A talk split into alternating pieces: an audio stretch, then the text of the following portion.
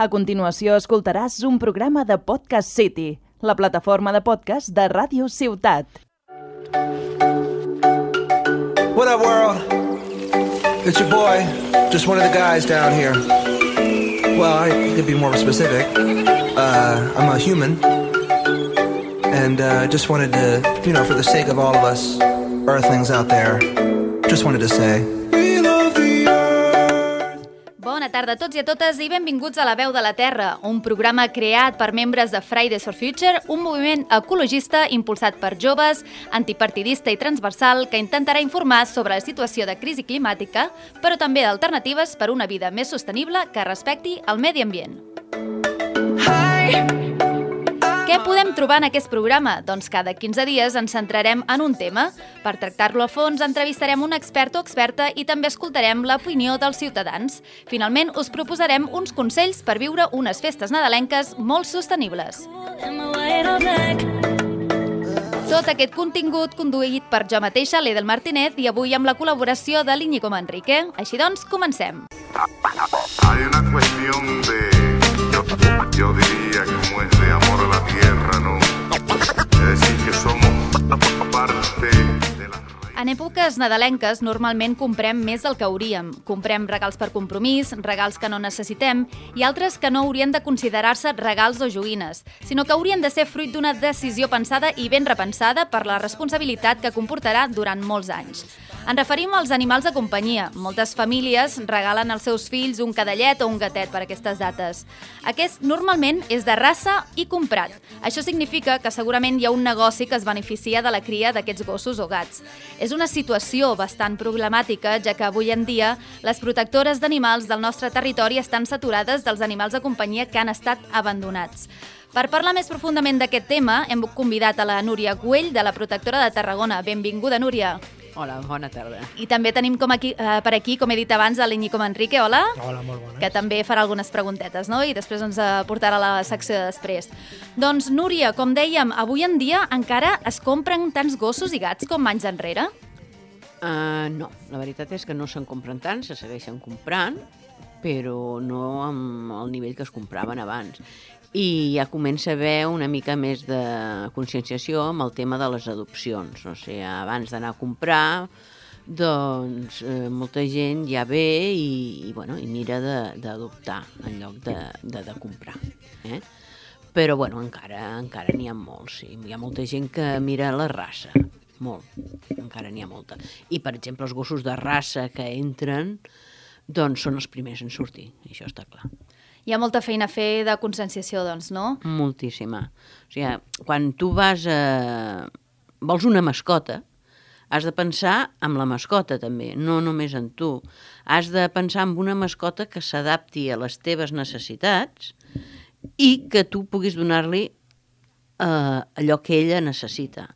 Eh, per exemple, si ets una persona eh, més aviat poc activa, doncs t'has de buscar una mascota que sigui més tranquil·la, més relaxada, que no necessiti gaire activitat, eh, que sigui a la mida de la força que tu puguis tenir. O sigui, una persona que és eh, feble, diguem-ne, no pot portar un mastí.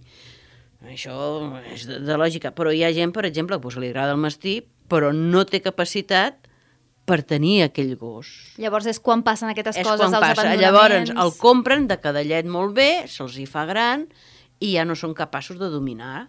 I aleshores, doncs, bueno, mm, l'animal al final doncs, acaba això, a les protectores, a les gosseres, en un lloc on que eh, l'animal no té cap culpa de- d'arribar allí, no? sinó ha sigut per la, la irresponsabilitat o la inconsciència a l'hora d'escollir aquell, aquell animal. Llavors, per damunt de tot, la raça no és important, el que sí que és important és com és aquell gos, la Exacte, mida també, Exacte. eh, o perquè... sigui, les característiques del gos mm, que se t'adaptin a les teves característiques i viceversa. D'acord. Eh? I llavors, doncs, bueno, segons el que hi hagi, doncs has d'escollir. Això és un... I després, bueno, si tu tindràs la capacitat econòmica per les necessitats que puguin tenir, eh, els gossos i els gats també s'encostipen, també es posen malalts, també poden tenir un accident, hi ha una sèrie de despeses veterinàries que tu has d'assumir, les vacunes anuals, les revisions anuals, eh, el tema de la boca, o sigui, penseu que hi ha molts gats i molts gossos doncs que si no se'ls hi fan unes neteges periòdiques, eh, acumulen molt de sarro, aquest sarro produeix infeccions a la geniva, eh, la, la geniva retrau, al retraure la geniva li cauen les dents, o sigui, mm, que no és, mira, m'he comprat el gos i el gos i ja està. No? Per això deia, no?, que és una decisió que s'ha de prendre amb tota la família, no?, Exacte. crec, no, Sí, no com sí, a sí. regal de que li regalem a la nena, perquè potser després la nena no es fa No, responsable, no, no, no, aviam, la canalla ha d'estar implicada, si la canalla no està implicada, malament. Eh, jo he vist adopcions i, i d'allò que qui realment vol la mascota és la mare o el pare. I el nen, doncs, bueno, pues me'l posen un bitxo a casa, doncs me'l posen. Mhm, Però Que serà molt divertit els primers anys, segurament, i més si és Mm, petit. els primers mesos. O mesos, val, tens encara menys. No, encara menys, els primers mesos. Però, clar, mm, has de tenir consciència de que aquella mascota pues, se farà gran. I hi ha Llavors- responsabilitats, com bé has Sí, dit, no? les sí. econòmiques, de portar-los al veterinari, de temps, de I- que quan fa freds no? s'ha de, la de treure al S'ha de carrer. treure igual. mm, Sí, sí, quan fa fred, quan fa calor, i les seves hores, i no allò anar al donar el tomet a la poma i tornar. No, no, no, no. S'han de fer uns passejos bé. S'ha de socialitzar el gos amb altres persones, amb altres animals. O sigui, i, i els gats, doncs, igualment, no? No els treus a passejar, però també, bueno, tenen les seves necessitats, tenen el seu llenguatge. Una altra de les coses és el llenguatge, no? Has de saber interpretar eh, el llenguatge dels animals, o sigui, quan ells eh, parlar no poden, però bueno, tenen unes orelles, tenen una cua, tenen un, un, un pèl, i a través d'això ells te van donant eh, pautes de com estan, com es troben, què volen, què deixen de voler, si estan espantats, si estan contents. Has de també implicar-te amb ell i intentar entendre el seu llenguatge. I per entendre, sobretot, és observar. Observar. Perquè encara que no sàpigues massa de gossos o de gats, si observes i fas relacions després de ostres, mira, quan té les orelles així és que està aixà, no? Exacte. I si observes Has- i tens una mica d'interès, I llavors final... també doncs, això fa que, que et connectis més amb, amb, la, amb la mascota. Molt Claro. Intentar entendre-la. Tota aquesta informació també la doneu eh, en el moment d'adopció, perquè clar, quan algú pensa en la protectora pensa que és un lloc on hi ha els animals abandonats, però a part oferiu un servei de- d'assessorament també? Nosaltres, o sigui, quan venen i diuen, bueno, volem adoptar un gos o un gat, el primer que se'ls hi pregunta, sou una, és una decisió ben pensada? Sabeu els pros i els contres? Mm, teniu experiència, no teniu experiència? Perquè és que, clar, a vegades el millor te ve una persona i te diu, vull aquest gos. Mm, I quants gossos ha tingut vostè a la seva vida? No, és la primera vegada que tindré gos. Doncs si és la primera vegada que tens gos, no agafis un pitbull. Mhm. Perquè per tenir eh, o dominat un gos d'aquesta raça has de tenir experiència i has de saber imposar-te. Si és la primera vegada, doncs agafa una altra raça que sigui més dòcil. Els, els mestissos, doncs clar, els mestissos és això, no? Eh, El pare pastor alemà, mare pastora belga. Doncs, bueno, aviam, característiques d'un i característiques de l'altre. Eh, què pot ser? Això se'ls informa. Eh, se'ls informa també del, del tema mm, veterinari, o sigui, a nosaltres tots els gossos i tots els gats els donem vacunats, xipats i esterilitzats. Perfecte.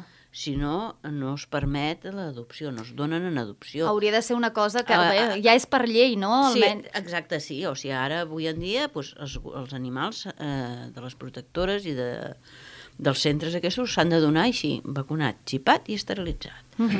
A sobre ja també se'ls donen desparasitats, vale? tant interna com externament, eh, perquè els animals tenen paràsits interns. Hi ha molta gent que no s'imagina que hi ha paràsits interns. I sí, també. I cada sis mesos se'ls ha de fer la seva desparasitació.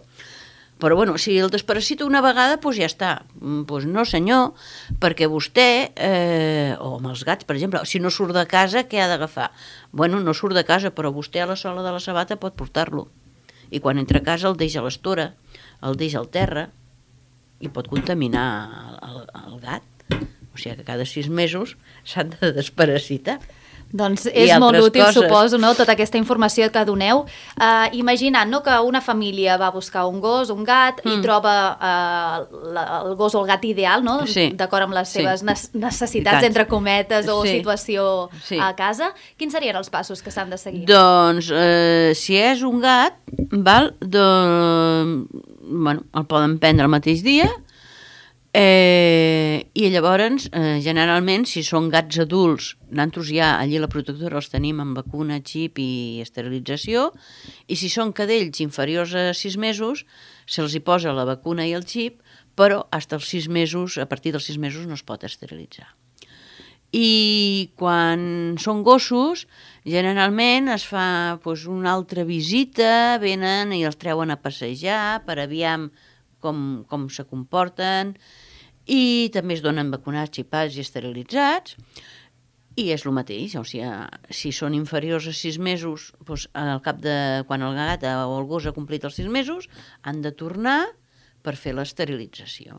Llavors s'esterilitza i llavors ja el poden prendre. En cas que no estiguessin molt segurs, es podria, Sí. com has dit, no? a venir a veure... Sí, no, poden venir les vegades que sigui. Ja et dic, moltes vegades doncs, hi, ha, hi ha persones també que ja tenen una mascota, o tenen un gat, o tenen un gos, i en volen un altre perquè els hi faci companyia. Perquè hi ha persones doncs, que per la feina i per les seves obligacions passen moltes hores fora de casa. Llavors, per exemple, generalment passa més amb els gats, no? perquè amb el gos, com tens l'obligació de treure'l, doncs ja no pots estar tantes hores, però amb un gat, doncs clar, com no l'has de treure, molta gent se'n va a treballar a les 7 del matí i torna a casa a les 9 de la nit, eh, el gat s'avorreix, perquè els gats també s'avorreixen, i doncs, o un dia m'estira les cortines, o un dia m'arrasca el sofà, però és per avorriment. Llavors, doncs, li busquen un company, no? Has de buscar un company que sigui compatible amb ell, i, i, bueno, i vas venint, vas provant, si hi tenen un altre gos i volen un altre, adoptar-ne un altre, doncs venen amb el seu gos per veure com s'entén amb l'altre, per sortir a passejar, i, i, bueno, i veus com van interactuant i, i les opcions que tenen. Més facilitats impossible, eh? estic veient. No, no, les donem les facilitats i les- l'informació que convingui i que busquin. Bueno. I en cas que una, una família adoptés, eh, vosaltres us assegureu de que després seran responsables? O sigui, sí que feu un test, no?, per, eh, Sí, prèviament, de que sí, siguin responsables, sí. de que sigui Sí. un animal adient Sí. per la seva família, però després eh, feu algun seguiment? Fem, fem una mica de seguiment, sí, ho anem repartint entre, entre les voluntaris i, i bueno, fem un seguiment els primers mesos i, i aleshores doncs, ja veus si al cap d'un parell o tres de mesos veus que, que la cosa va bé, doncs ja, ja queda clar, no? I llavors, doncs, bueno, hasta ara, gràcies a Déu, eh, no hem tingut que retirar-li la mascota a ningú perquè, bueno, tot ha anat bé. Bona senyal, doncs. Sí, sí, sí. Hi ha molta gent que li agradaria tenir un gos o gat, gos sobretot, perquè es necessita no? molt, moltes hores, estar molt damunt, eh, Sí. estar molt disponible, també tenir una mica d'espai per ell. Hi ha possibilitat d'apadrinar o venir a col·laborar d'alguna manera, la protectora? Aviam, a la protectora de les maneres que es poden col·laborar és això, fent apadrinaments d'alguna mascota que, bueno, doncs tu cada mes fas una aportació per al manteniment d'aquell animal. Eh, te pots juntar amb el grup de voluntaris que treuen a passejar els gossos i treure aquell que tu has apadrinat. Penseu que els gossos eh, sols no es poden treure a passejar.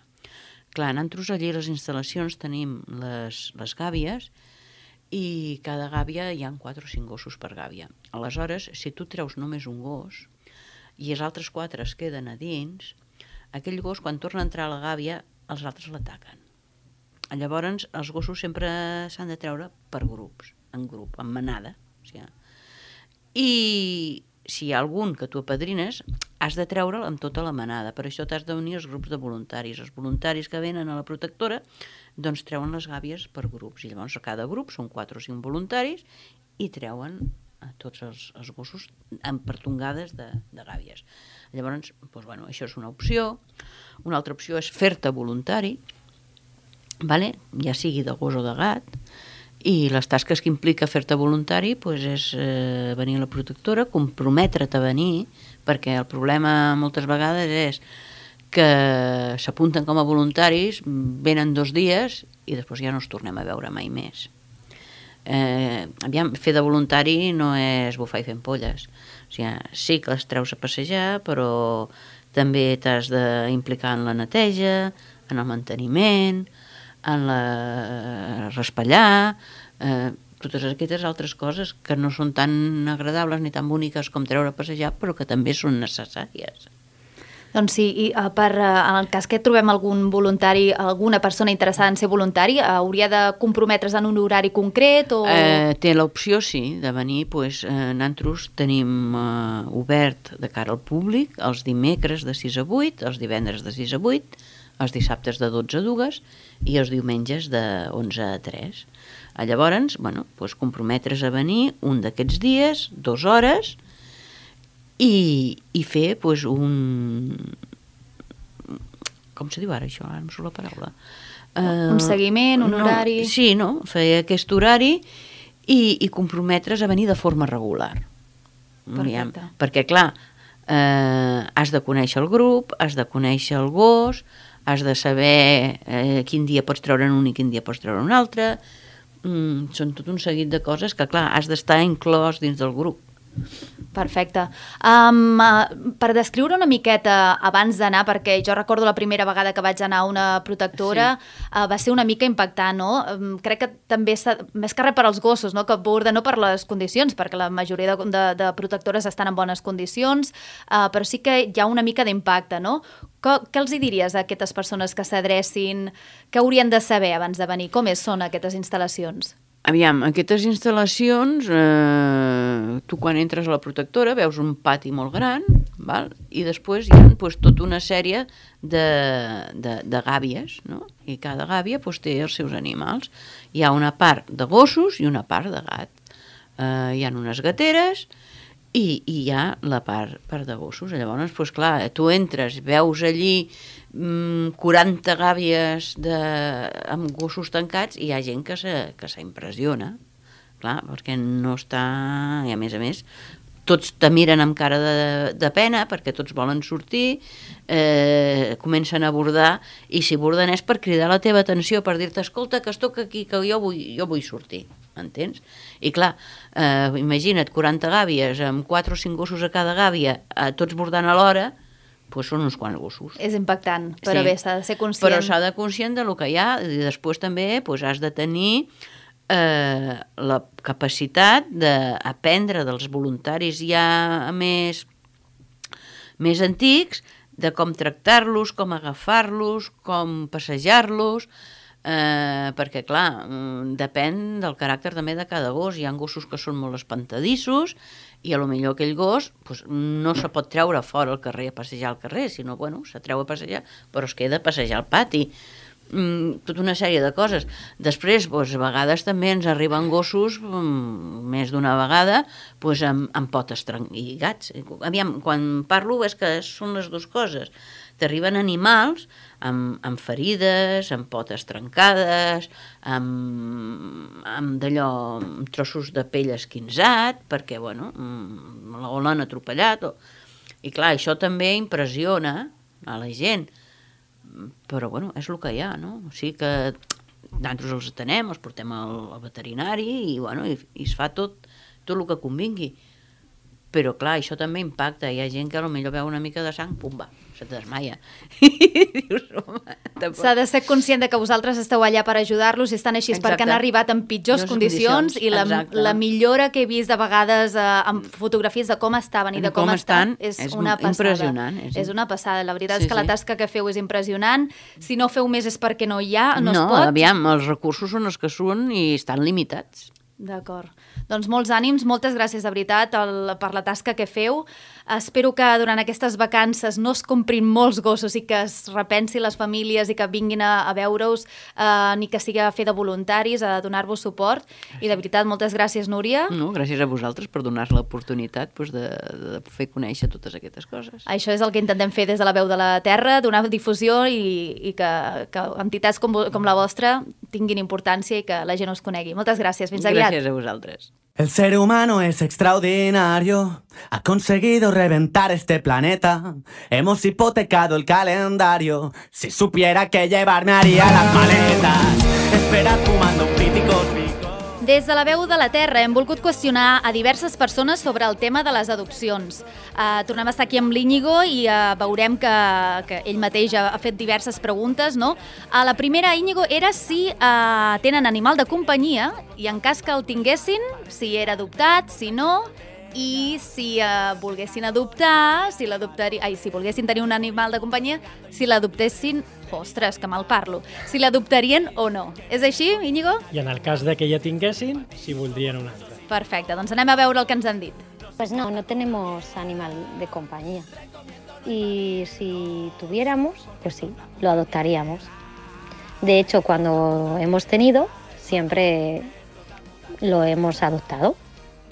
Pues jo tinc una, una gata que és adoptada i si en tingués un altre, ara de moment no tinc intencions, però si en tingués un altre també ho seria. Tinc un gos eh, que vaig adoptar fa més o menys un any i mig i si em plantegés tenir un altre animal de companyia, sens dubte tornaria a adoptar, perquè hi ha molts animals que, que necessiten una família, que estan en una protectora o en una casa d'acollida.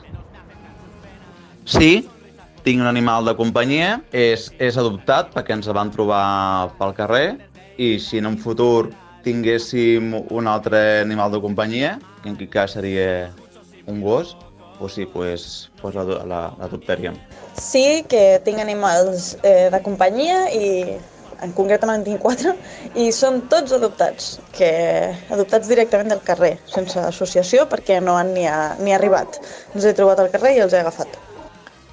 Tinc un animal de companyia, és un gat i és comprat. Per circumstàncies personals vaig decidir comprar-lo eh, doncs pel caràcter de la raça que és, eh, ja que passa la gran majoria de, del temps a sol a casa i és per aquesta la raó que, que, que vaig comprar-lo. Si en tingués un segon animal de companyia, evidentment, si pogués ser adoptat, eh, l'adoptaria. Doncs la veritat és que hem sentit opinions i estic bastant, són bastant positives en el tema de l'adopció. O sigui, hem vist alguna excepció, no, Íñigo? Home, sí, eh, excepcions en qüestió d'adoptar o comprar, en aquest cas per tenir-ho, però sí que és veritat que si volguessin un segon o un primer, en aquest cas com ha passat alguna, algun que teni, no tenia gos ni, ni gat, eh, tots han dit al 100% que volien adoptar-ho. Això és bona, bona senyal. Oh, bona senyal. Com dèiem, falta més conscienciació, a poc a poc ens anem informant, com ens ha dit la Núria, la cosa va millorant, encara que molt lentament, però bé, a base d'informació la gent canvia d'opinió, no? Uh, la segona pregunta, Íñigo, quina ha estat? La segona pregunta era si era important tenir gos o gat de raça. I per què? Anem a veure les respostes. Para mí personalmente no, no es importante que un perro o un gato sea de raza. Eh, y cuando hemos tenido un perro o un gato, pues tampoco nos hemos fijado en eso. Entonces no, no considero que sea importante para tener un, animal de compañía. Crec que tenir un gos o un gat de raça no és important, però el que sí és important és que les característiques i les necessitats i el caràcter de l'animal que agafis s'adaptin al teu estil de vida i al temps que tu li puguis dedicar. Per mi no, no és important. Jo estic content amb el que tinc, que és un, un creuat, i amb el que tinc jo estic la mar de content. Que si tingués una altra raça de gos, pues estaria també supercontent, no? Per mi no. L'important és que em fa companyia i entreu a passejar i a córrer, etc. Important que sigui de raça o no, mm, no, realment no. La meva gata és una gata de carrer i és tan bona o més com qualsevol de raça. que no és important tenir un gos o gat de raça, perquè un gos o un gat és un, un membre més de la família i, i és igual com sigui. Zero important que sigui de raça, per mi és lo de menys, perquè al final la raça de l'animal no determina eh, la qualitat dels mimos o del carinyo ni la companyia que et farà. Així que per mi és zero important la raça. No, no és important uh, tindre un gat o un gos de raça.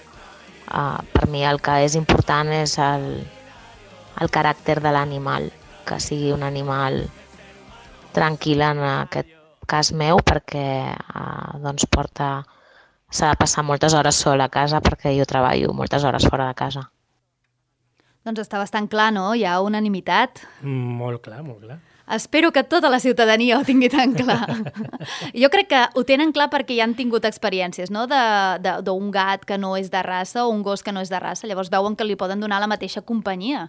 A veure, suposo que això és per, per de gustos, no?, de si Mhm. vols un de raça o no, però sí que és veritat que en les qüestions que hem fet tothom ha coincidit i mira, I ja jo està crec, bé. desgraciadament, eh, el tema de raça és com la marca de qualsevol objecte, és l'estètica, és, és saber que la gent, o fer veure que la gent eh, té una cosa de marca, de, que és xulo, que li ha costat diners, una mica de vacileo, no? És la sensació que em dona Una a mi. mica de postureo, O sí. potser perquè està encapritxat amb aquella raça i és tan maca, però al final lo important, com sempre es diu, és l'interior i, i potser, potser fins i tot són més agraïts els, o més eh, mimosos els, els adoptats. No sé, no sé, no sé. Tercera pregunta, Íñigo. Mira, hem preguntat si eh, creuen que... mm, A veure, quins creuen que són els beneficis d'adoptar? Doncs anem a veure què ens han dit. Beneficis d'adoptar? Pues mira, podríem dir que és una mica una, una feina entre tots, no? de, de buidar el que són una mica les protectores i els refugis d'animals, perquè realment estan tots desbordats i mira, és manera de, de, de que no hi haguem tants, no? També satisfacció personal de saber que, ostres, que gràcies a tu aquest animal pues, té una família, no? té una casa, té, un... té gent que l'estima i la companyia que te fa l'animal a tu, això també és, és, és important. I també podríem dir que, bueno, si adoptes no, no trafiques en, en animals, no? I, i també és una de les maneres de, de parar també una miqueta tot això. Per mi el principal benefici d'adoptar és poder ajudar aquells animals que, que no tenen una família i que, i que viuen amb una protectora. Que li dones una altra vida, li dones estimació, carinyo, alegries, li dones una, una família, en definitiva, un món millor. Desconec els beneficis de l'adopció perquè els animals que he tingut normalment han sigut eh, doncs, agafats del carrer directament o, en, o aquest últim, el, eh, en aquest cas meu, doncs, ha, ha estat comprat. I el principal benefici d'adoptar, per mi, eh, és el fet de que estàs ajudant a un animal que de veritat ho necessita. Cuando nosotros habíamos optado por adoptar, pues eh, uno siempre nos habíamos encontrado que ya eran perros adultos. Y entonces en este caso pues ya, ya están, digamos, ya han pasado todas esas fases de cuando son pequeños, de, de que destrozan cosas y demás. Luego también pues eh, venían totalmente vacunados, desparasitados y demás. Y esto también pues está bien. Y luego lo siguiente y lo más importante para nosotros a la hora de escoger es que ya tenían una personalidad, ya les, ya les veías, ¿no?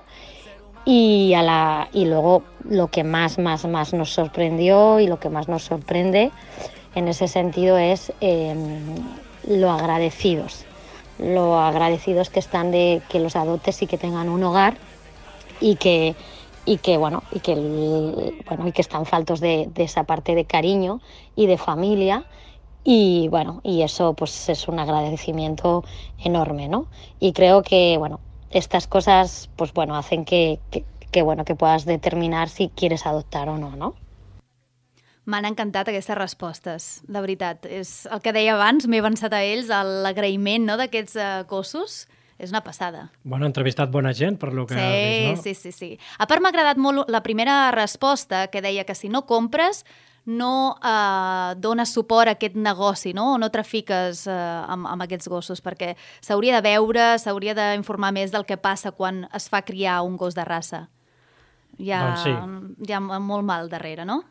Oh, I tant. A part, eh, que no ho hem parlat amb la Núria, normalment les adopcions són de cadellets, són de gossos petits, um, o es compren gossos petits, però hi ha molts animals de certa edat que potser costen més d'adoptar i, i hauríem de repensar-nos, no? Si hauríem de fer un favor també a aquell pobre gosset que costa més. Crec que, Iñigo, em sona de que tu tens una gosseta, gosseta tinc o gossota. Jo tinc una gossota eh, molt gran i, bueno, estic contentíssim. Ens la van trobar... Bueno, es va trobar una associació al, al lo que era la carretera i que li quedaven qua- 24 hores de, de vida. I bueno, porta 4 anys amb naltros i estem la mar de feliços. Tant, tant ella com naltros. O sigui, es Doncs va és- trobar ella naltros, eh? ja t'ho dic ara. Des d'aquí animes totalment no, a la ciutadania Oh, tant, que adoptin. Que s'ho repensin bé, perquè és una responsabilitat, però adopteu, adopteu. Sí, pot ser. Sí, teniu- perquè, clar, a veure, un gos no és un, un cactus, eh, o sigui, no és ho regues i ja està.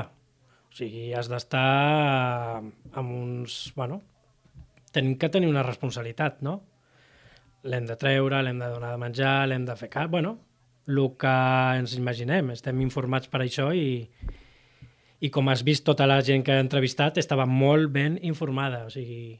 Tant de bo tothom fos així. Oh, i tant, i tant. Tant de bo. Doncs moltes uh, gràcies, Íñigo. Continuem, deixem a part la, el tema de les adopcions, dels animals. Continuem amb temes nadalencs.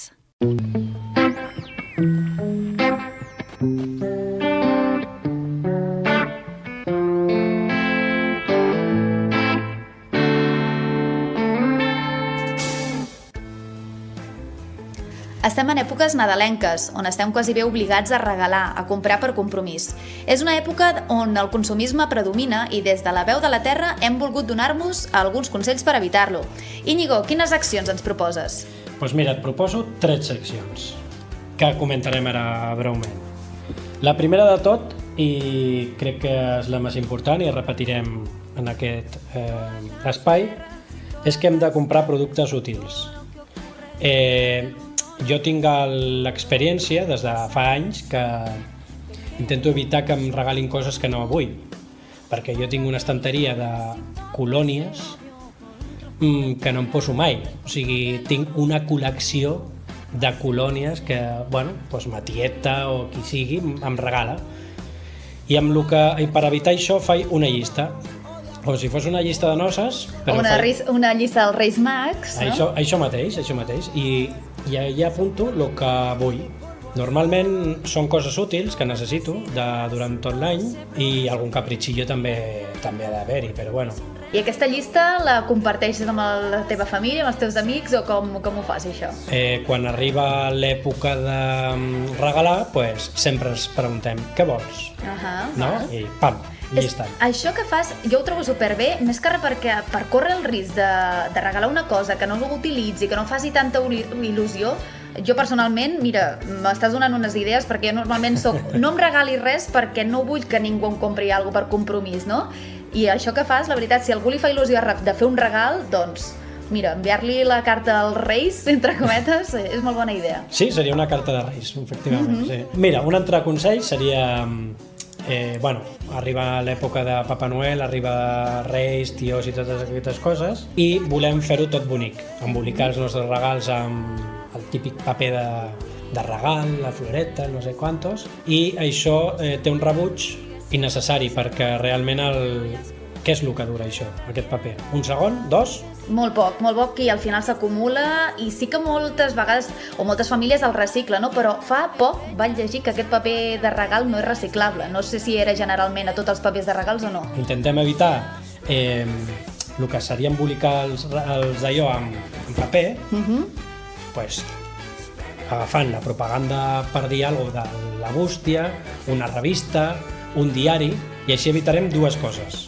Tenir que anar a la, a la tenda, que ja estàs perdent un temps, i, i el que costa aquest paper.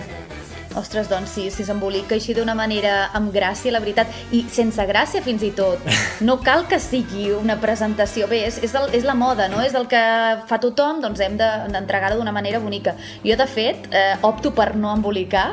Com que porto normalment amb una bossa, li dono la bossa a la persona eh, que li regalo alguna, alguna cosa i ja només amb el fet de treure-ho ja no està veient l'interior, no?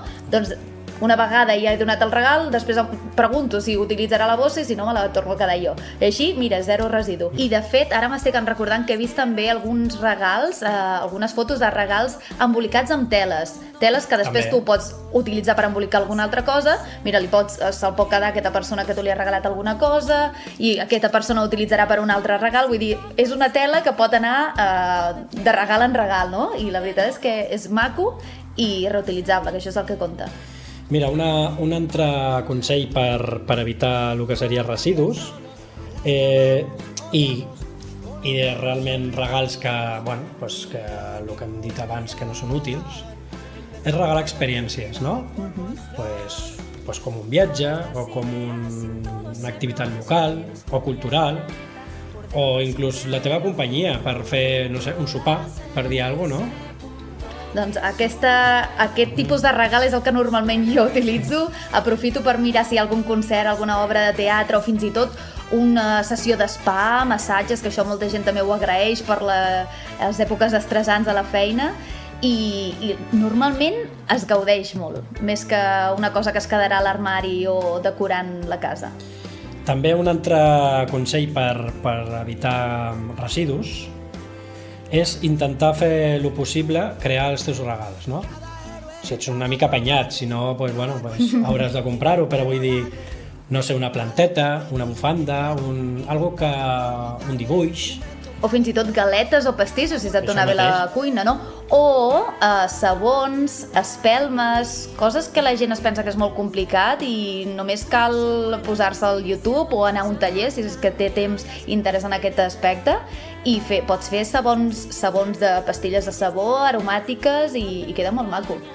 Mira, un altre consell, també, de, i ara que estàvem parlant de, de fer les coses tu mateix, eh, està una mica en desús, però eh, abans enviaven postals, hi ha gent que ho fa encara, però per què no la fas tu, no? La postal, o sigui, amb una foto, amb un... o la fas tu dibuixada, i fots el sello i ja està. I queda, pot quedar molt bonic, el, el que deia, jo, jo que sóc professora acostumo a fer-ho no? per, pels nens i, i no cal que sigui infantil, no és una activitat infantil. A altres països és molt comú enviar-se postals i, no sé, jo, jo també les que he rebut les utilitzo com a decoració perquè són tan maques que val la pena ensenyar-les i reutilitzar-les any a any. Mira, ara que arriben els, els àpats nadalencs, una forma d'estalviar i d'intentar fer el, eh, bueno, menys residus, eh, i això és extrapolable a tot l'any, eh? o sigui, no només aquí, aquí. El que passa és que, clar, tenim la família, volem quedar bé i comprem de vegades molt més del que toca, no? De vegades no sempre. Jo crec que a totes les famílies, i si no hi ha una família que ho fa així, és una excepció i, i en sóc fan. Bueno, doncs hem de planificar els nostres àpats nadalencs. Això eh, és l'ABC de, de l'estalvi i de, bueno, i de lo que hem parlat, no? d'intentar evitar tenir residus i sobretot alimentaris, que aquest ja...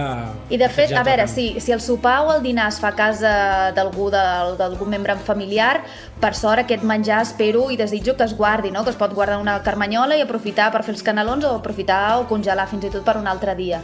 Però si es va a algun restaurant, si és una família numerosa que no hi ha espai a casa, recomano portar carmanyola perquè normalment hi ha molts plats, i el pica-pica, primer plat, segon plat, i acabem menjant-nos, eh, com és el meu cas, no? jo no puc deixar res al plat i m'ho acabo menjant per obligació, però des de fa temps ja penso, uh, si se m'emporta una carmanyola, que és que és el que dèiem, no? no queda bé de cara al públic, però per què? Perquè sempre ho hem fet així i queda malament, no? Portar la carmanyola, doncs no. Uh, proposo uh, que sigui moda portar-se la carmanyola als restaurants per, per no obligar-nos a menjar-ho per compromís, perquè després farà mal de panxa i, i que, ens, ho- que ens ho posin abans de, de, de llançar-ho a la brossa. Bueno, realment, el que dius tu, eh, acaba moltes vegades a la brossa, però, escolta, jo he pagat per aquest, per Això aquest mateix. menjar, no? no ens ha de fer vergonya, no hem de, de pensar en el que diran, sinó pensa tu en, en la brossa que crearàs, malbaratament alimentari, que és, que és un, una de les coses molt... I això que estalvies, també. Ah, això mateix, això mateix. Mira, per aquestes... Eh, ara que parlem d'àpats, pues venen aquestes èpoques de, de sopars de- d'empresa. bueno, pues, lo típic, no? De, pues anem a un restaurant i tal. Jo el que he fet aquest any és, ha sigut un... I et diré ara un tèrmino, un tèrmino raro, que s'ha posat de moda fa poc, que és eh, los pongos. Mhm. Et parlaré de dos pongos. A veure, Et parlaré de sopar de pongos, que és quedar a casa d'algú, i mm, pues jo pongo el vi, pues jo pongo el, la... la no sé. truita, l'altre el pa, no? l'altre, d'acord? I amb, I amb això fas, i amb això fas sopar, eh? Eh, de vegades mm, sobra molt, però bueno, Però bé, ens ho portem o que es quedi a casa l'anfitrió? Quin Això seria l'altre pongo? Que aquest no, no el conec tant. pues mira, eh, està molt de moda quan fas sopars de- d'empresa eh, fer l'amic invisible. I el que estàvem dient abans, no? Eh, L'amic invisible és el joc aquest que, que tu regales sabent a qui regales, però no qui et regala tu, no? Mhm. I tens la bueno, a a veure qui em regalarà i tal, no? I normalment fa una mica de peresa perquè no coneixes del tot aquesta persona Aquí i compres estem. alguna cosa per compromís... Que, per cert, fem un break, perdona per interrompre't. Sí. Proposo l'amic invisible a les famílies. Uh, normalment, a les famílies comprem diferents objectes pels diferents membres de la família i l'any passat vaig descobrir una altra família que feien l'amic invisible familiar. És a dir, un amic invisible de tota la vida per a la família. Així t'estalvies comprar diferents coses als diferents membres i és un per cap. Mm, Bueno, Ho deixo mira, aquí. mira. Però bé, continuem amb l'empresa. El que passa és que normalment eh, les experiències que tenim amb els, amb els amics invisibles de l'empresa és que tu poses un límit de, de, de gasto, no? Pues 3 euros.